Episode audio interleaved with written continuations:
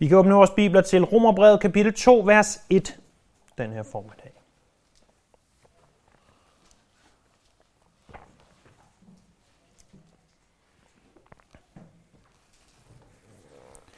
Men for at få baggrunden med, så begynder vi ikke at læse ved kapitel 2, vers 1, så begynder vi at læse ved kapitel 1, vers 26. Her læser vi, Derfor prisgav Gud dem til vandærende lidenskaber. Deres kvinder udskiftede den naturlige omgang med den naturstridige, og lige så opgav mændene den naturlige omgang med kvinderne, og optændtes af deres begær efter hinanden. Mænd levede skamløst med mænd, og pådrog sig derved den straf for den vildfarelse, som de fortjente. Fordi de ikke regnede det for noget værd at kende Gud, prisgav Gud dem til en forkastelig tankegang, så de gjorde, hvad der ikke sømmer sig. De blev opfyldt af al slags uretfærdighed, ondskab, griskhed, uselhed, fulde af misundelse, blodtørst, stridsløst, svig og ondsindighed. De løber med slader. De bagtaler andre. De hader Gud. De farer frem med vold, er hovne og fulde af pral. De finder på alt muligt ondt, er ulydige mod deres forældre. De er uforstandige, upålidelige, ukærlige, ubarmhjertige. De ved, at Gud har bestemt, at lever man sådan, så fortjener man at dø. Alligevel lever de ikke bare selv sådan, de bifalder også, at andre gør det. Når vi læser en sådan tekst, hvad er din reaktion så? Er reaktionen, Amen, de fortjener at dø. De bør udslettes. Lever de sådan, så skal de dø. Hvis det er din reaktion, så prøv at se verset til i dag, kapitel 2, vers 1. Derfor har du ingen undskyldning, du menneske, som dømmer. Hvem du så er. For med, den dom, for med din dom over andre, fordømmer du dig selv. Du, der dømmer, gør jo selv det samme. I det, jeg kommer til jer i dag i Romerbrevet kapitel 2, vers 1, så vil jeg gerne tale til dig om farisæeren i os alle. Farisæeren, der ligger gemt i os alle. Vi husker, at Romerbrevet er ikke bare en bog, men den bog, der forklarer evangeliet klarest og tydeligst for os. I Romerbrevet forstår vi, hvad det er, som Jesus han gjorde på korset for dig og mig. Og hvordan er det er nødvendigt, at der sker en forvandling i os. Hvordan det er nødvendigt, at han forandrer noget i dit hjerte. Og det begynder med i kapitel 1-3, at Paulus viser os, at alle mennesker har syndet og mistet herligheden for Gud. I kapitel 1, fra vers 18 til 32, så vi, at alle hedninger, til forskel fra alle jøder, alle hedninger har syndet og mistet herligheden for Gud. Det han beskriver i kapitel 1 er den måde, som romerne, romerske borgere i byen Rom, de overordnet set levede på.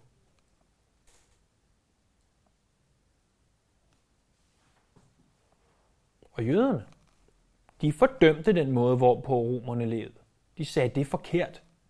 Det er ikke rigtigt at leve på den måde. Det er ikke, hvad loven foreskriver. Men når jeg står her i dag,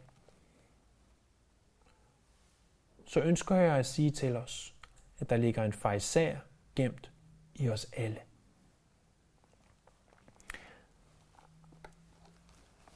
Paulus han skriver til dem, der er, hvem du så end er.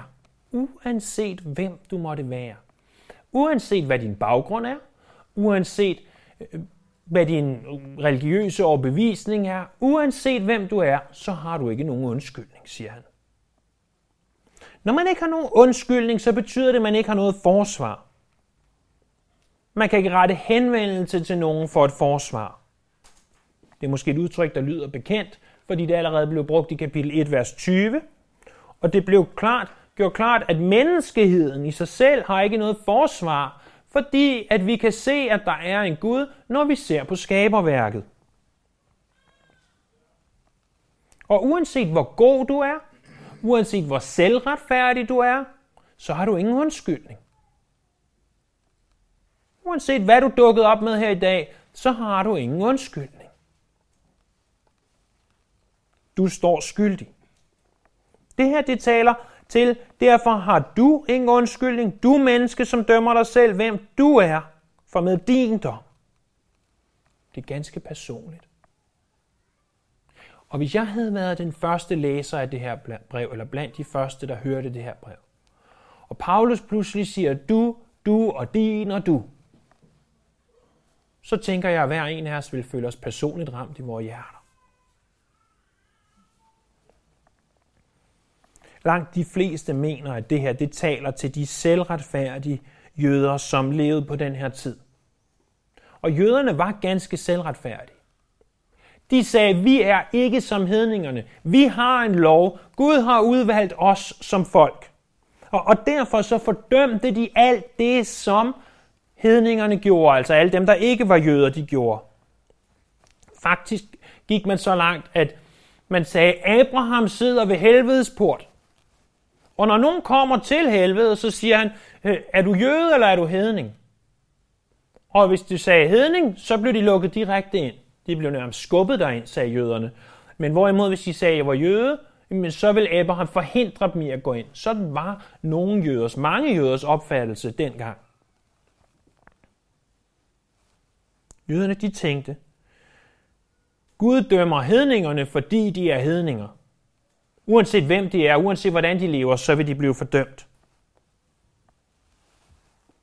Men tænk også på jøderne, hvor retfærdige de var. Tænk på, hvordan mange af dem studerede Toraen, studerede Moseloven, sad der, om du vil, til bibelstudie flere gange om ugen, og læste i deres bibler. Mange af dem kunne endda deres bibler udenad. Og så glemte de, når de står op om morgenen og ser sig selv i spejlet. De glemte at huske at se, okay, det jeg læser, praktiserer jeg det. Er jeg bare en ordets hører, eller er jeg også en ordets gør? De satte sig selv i en særlig kategori. De sagde, vi er jøder. Vi er bedre end de andre. Og jeg spekulerer på, om nogen af os i dag kunne finde på at sætte sig selv i en særlig kategori og sige, vi er Calvary Chapel. Vi er bedre end de andre.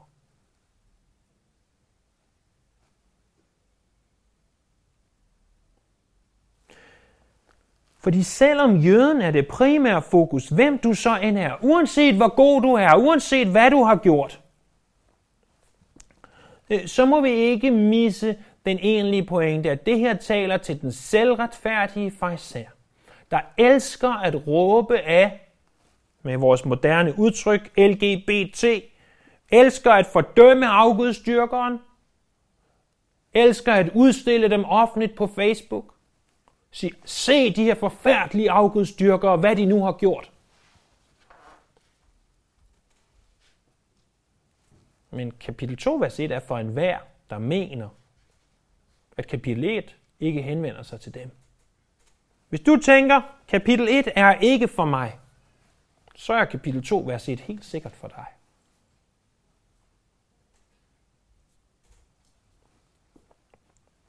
Da Jesus han skulle forklare folkemængden, øh, hvad skal der til, for at vi ved vores egen retfærdighed, og det her det er teoretisk set, kan være kan blive retfærdiggjort, så siger han, hvis jeres retfærdighed ikke langt overgår de skriftkloges og overfejsagerne, så kommer I slet ikke ind i himmelhed. Problemet består i, at uanset hvem du er, så er du ikke god nok til at komme i himlen med din egen retfærdighed. Uanset hvad du har gjort, uanset hvor godt du har forsøgt at gøre det, så vil dine gode gerninger aldrig, aldrig, aldrig veje tungere end dine dårlige gerninger. Dine onde end dine syndige gerninger. Aldrig. Og det skyldes ene og alene, at du er født ind i den her verden som en sønder. Du er ikke en synder, fordi du synder. Du synder, fordi du er en synder. Fordi du er født ind i den her verden som en sønder, så synder du. Du kan simpelthen slet ikke lade være. Lige så almindeligt for os mennesker, som det er at trække vejret og øh, tage øh, en tår vand i ny og næ. Lige så almindeligt er det for os at synde. Det er i vores natur. Det kan simpelthen ikke undgås. Du kan gå til alle selvhjælpsklasser. Du kan tale med alle verdens psykologer. Du kan gøre alt, hvad du forsøger og kan gøre, men hver en af os, uden undtagelse, er det, som Paulus ønsker at understrege, er syndere, fordi vi er født ind i den her verden som syndere. Og så siger han, når du peger på andre, med en finger, om du vil, så er der tre, der peger på dig selv. Er det ikke det, vi lærer som børn, at når du peger andre og siger, han har gjort sådan, jamen hvad så med dig selv? Prøv at tænk på David.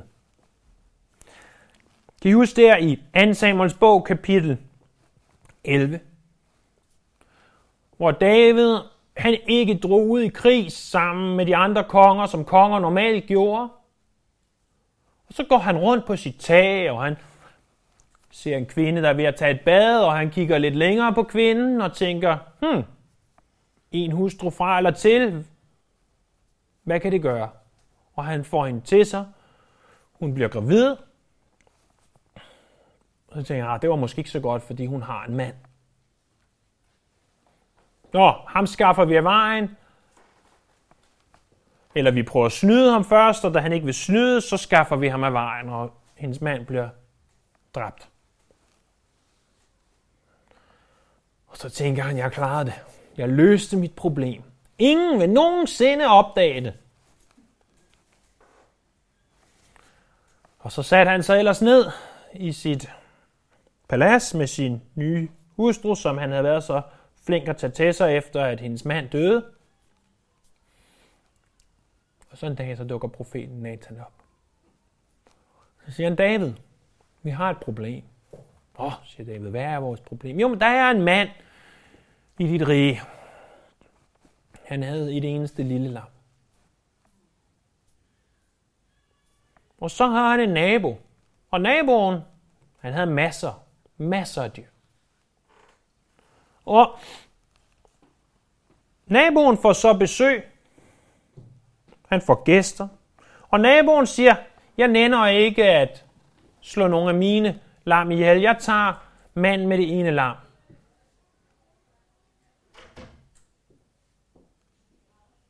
Og så tager han det ene lam, slagter og serverer for sine gæster. Og da David hører den historie, så siger han, det var da forfærdeligt. Den mand skal få lov til at betale tilbage. Den mand skal straffes. Den mand har opført sig forfærdeligt. Og så siger Nathan til ham, David, du er mand. Du er mand.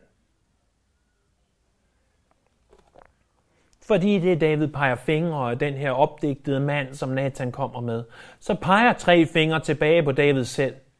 Det han havde gjort, var langt, langt, langt værre end at tage naboens for, som i øvrigt var en opdigtet historie for at få ham til at indse sin egen søn.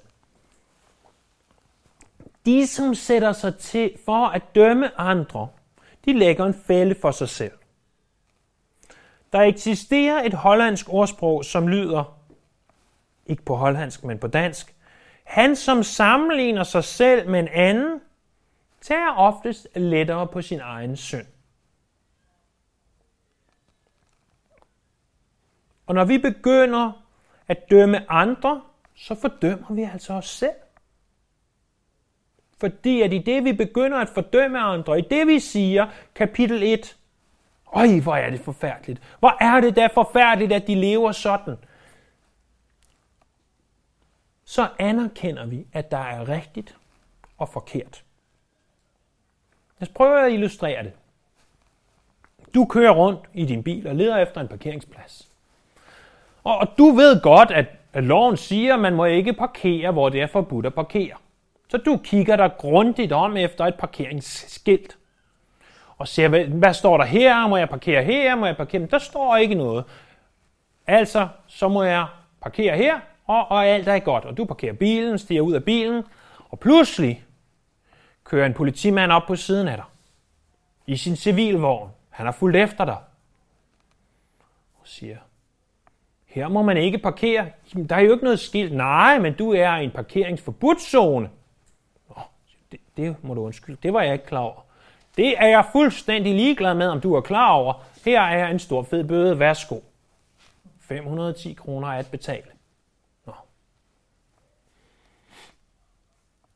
Politibetjenten lader bilen stå, stiger ud af bilen og går direkte hen til bageren. Naturligvis for at købe basser. Det er jo i vores karikatur af politimænd, det de altid gør. Men lad bilen stå. Han vidste godt, det var forkert. Han, han har lige fordømt en anden, eller dømt, eller udskrevet en bøde til en anden for at gøre det her. Må han så selv gøre det samme lige efterfølgende? I privat øje med naturligvis ikke. I det han siger, du har gjort noget forkert, så ved han, hvad loven er. Så ved han, hvad det rigtige og det forkerte er. Og så dømmer han sig selv så meget desto hårdere. I det du peger fingre af andre og siger, åh, se deres forfærdelige sønder. Se, hvor slemme og vederstykkelige de er. Se, hvad de har gjort. Så betyder det, at du ved, hvad der er rigtigt og forkert. Og hvis du ved, hvad der er rigtigt og forkert, så dømmer du dig selv.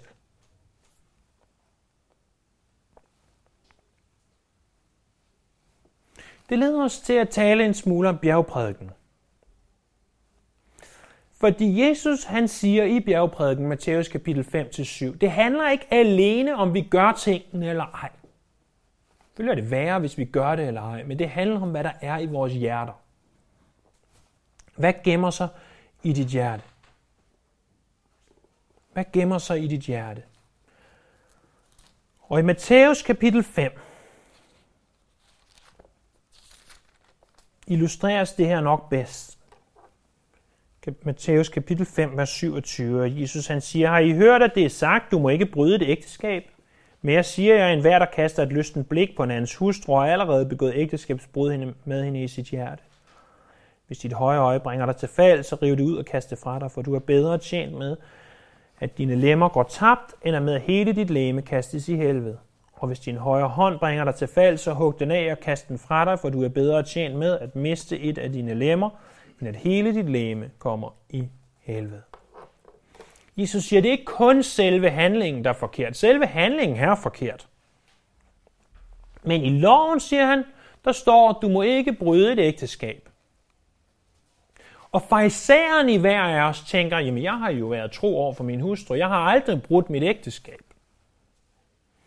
Men Jesus siger så, at forståelsen af det her er dybere end det direkte at gå hen og være sammen med en anden kvinde eller en anden mand. Han siger, at enhver, der kaster et lysten blik på en andens hustru, har allerede begået ægteskabsbrud med hende i sit hjerte. Der er ikke tale om fristelsen. Fristelsen i sig selv er ikke forkert. Men der, hvor du som David handler på fristelsen, og begynder at tænke videre over det, og tænke, det kunne være interessant, så handler vi på det. Ikke nødvendigvis fysisk, men vi handler på det i vores tanker. En foreslog en test for det her. Når vi ser en film, eller en tv-serie, eller noget andet, eller læser en bog, hvor i der opstår ægteskabsbrud. Altså en eller anden form for seksuel aktivitet imellem to mennesker, der ikke er gift. Hvad tænker vi så? Når helten og helinden, de begår ægteskabsbrud for åben skærm, klapper vi i hænderne og hører vi og siger, det var da godt. Endelig fandt de hinanden. Eller siger vi, nej, det er forkert. De er ikke gift.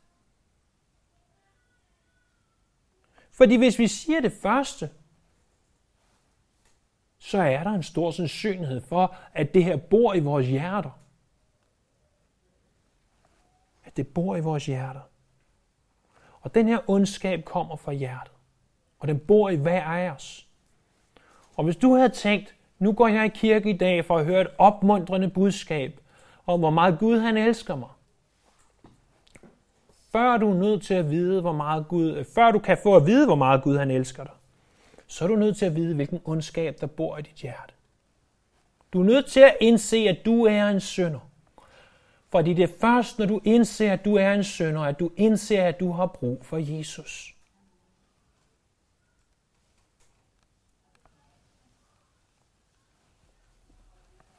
Det er som en sygdom, der bor i hver af vores hjerter. Det er en sygdom, vi ikke selv kan slippe af med. Men det er en sygdom. Det er synden, som Jesus tager for os på korset. Prøv at høre. Der er en fejser gemt i os alle. I hver af os vil der altid være mennesker, om hvem vi tænker, jeg er da ikke så forfærdelig, som de er. Jeg opfører mig da ikke så dårligt, som de gør. Og det kan godt være, at set sådan rent objektivt, og måske endda for loven, nu taler jeg både Moseloven, men også bare den danske lov, så opfører du dig måske ikke så dårligt, som de gør. Men når Gud giver os Romerbrevet kapitel 1-3, så handler det ikke først og fremmest om at se, hvem der opfører sig dårligst. Det handler bare om at se, at vi alle sammen er syndere og behøver Jesus. Hver en af os er født ind i den her verden som en sønder, og hver en af os behøver derfor Jesus, hvis vi vil sættes fri for den synd, og være arvinger til det, som Bibelen kalder det evige liv.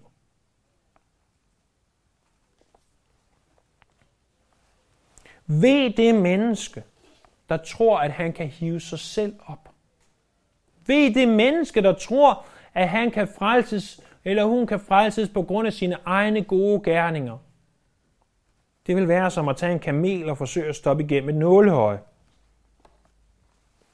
Og det her, venner, det handler ikke kun om de mennesker, vi anser for at leve i livets rendesten. Det handler ikke kun om dem, som vi tænker, det var da nogle forfærdelige ting, de gør.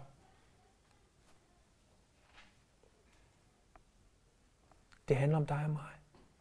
Det handler om, at i det, vi ser på andre mennesker og ser, hvad de gør, så må vi altid huske, at synden starter i hjertet og eksisterer i hjertet på os alle. Men du kan først kureres for din farisaisme, når du indser, at du også er en synder. For det er altså først, når du indser, at du også er en synder, at du indser, at du har behov for en frelser.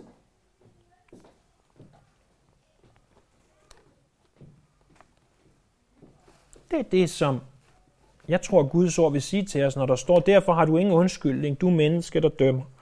Hvem du så er, uanset hvem du er i dag. For med den dom over andre, eller med din dom over andre, fordømmer du dig selv. Du, der dømmer, gør jo selv det samme. Så han siger slutligt, du gør selv de samme ting. Det kan godt være, at du ikke går ud og gør det ude på gaden og proklamerer det foran alle, men du tænker lignende tanker. Og det kan godt være, at din søn er anderledes end min søn, men den er der. Og derfor beder jeg til, at hver af os må kaste os i armene på Jesus, så at han kan sætte os fri.